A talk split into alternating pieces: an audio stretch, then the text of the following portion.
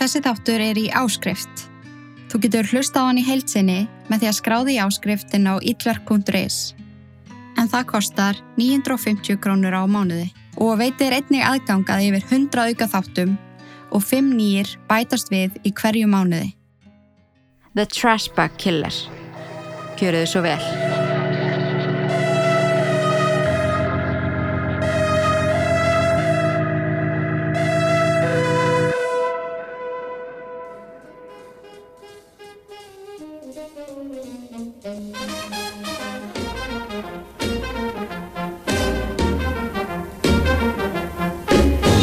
Þann 24. september árið 1939 fættist Patrick Wayne Kearney. George og Eunice voru búsett í austur Los Angeles og var Patrick þeirra þriðja barn og þeirra þriðji sonur. Fæðingin gekk vel en það fyrsta sem að bæði ljósmóðir og foreldrar tóku eftir var hversu agnar smár Patrick var. Allir sem að koma og sáu drengin sögðu það sama. Voðala er hann nú smágerður og átti þessi aðtóasemt eftir að fylgja Patrick allt hans líf. Hann ólst upp á óskup venjilegu heimili með tveim bræðrum og voru fóraldra hans vinnandi fólk og síndu sónum sínum mikla ást.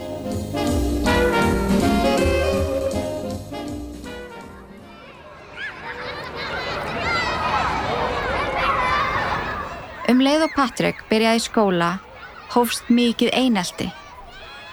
Öllum þótt hann svo lítill og veiklulegur og hann fekk svo sannlega að líða fyrir það. Strákarnir í skólanum uppnefndan, börðu og strítunum stöðugt. Hans aðal uppnefni voru midget eða dvergur og F-orðið eða uppnefni fyrir samkynnaða menn. Það var aldrei gerst neitt í eineltinu og óvís hvort að einhver hafi tekið eftir því.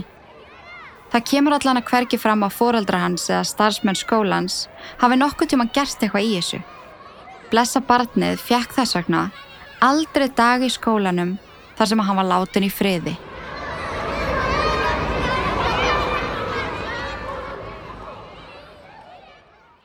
Þegar Patrick komst á kynþróskaskeiðið fór hann að velta kynlífi fyrir sér eins og gengur og gerist og er alls ekki óæðilegt fyrir stráka á þessum aldri. En hugsanirnar og fantasíurnar sem að Patrick hafði voru langt frá því að vera eðlilegar. Hvað er svo sem eðlilegt en þær voru allan á mjög ítalegar og sértækar með að við dreng sem að hafði enga kynferðislega reynslu. En endur speklaði klárlega alla innri reyðina sem að bjó innra með honum sem að hafi byggst upp eftir allt ofbeldi sem að hann hafi lifað við nær allt sitt líf. Patrick lit sér dreyma um að drepa óvinni sína, húðflatta þá og misnota svo lík þeirra eftir dauða. Hann vildi dóminera og beita ofbeldi og það er það sem að honum dreymdu um er hann hugsað um kynlíf. Aðeins 13 ára gamall fór Patrick að misnota fjölskyldu hundin og það gerðan öll sín úlingsár.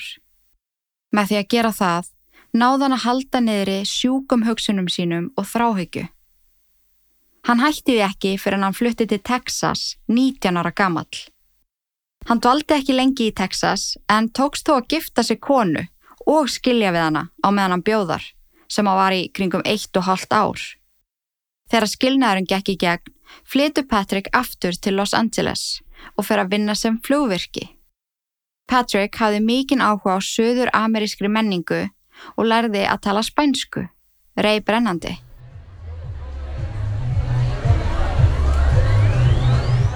Hann sótti mikið í skemmtarnalífið og elskaði að fara á skemmtistadi að drekka. Það var þó sjálfnast til þess að skemmta sér með vinum. Heldur var hans aðalmarkmið að næla sér eitthvað til þess að taka með sér heim. Á sama tíma virst hann fyrir sér hegðun þeirra sem hann sá í miðbænum. Hverjir urðu mjög druknir? Hverjir gengu einir heim? Hvert fóru mennirnir til þess að húka sér far? Hægt og rólega var hann að undibúa sig því að hann vildi drepa.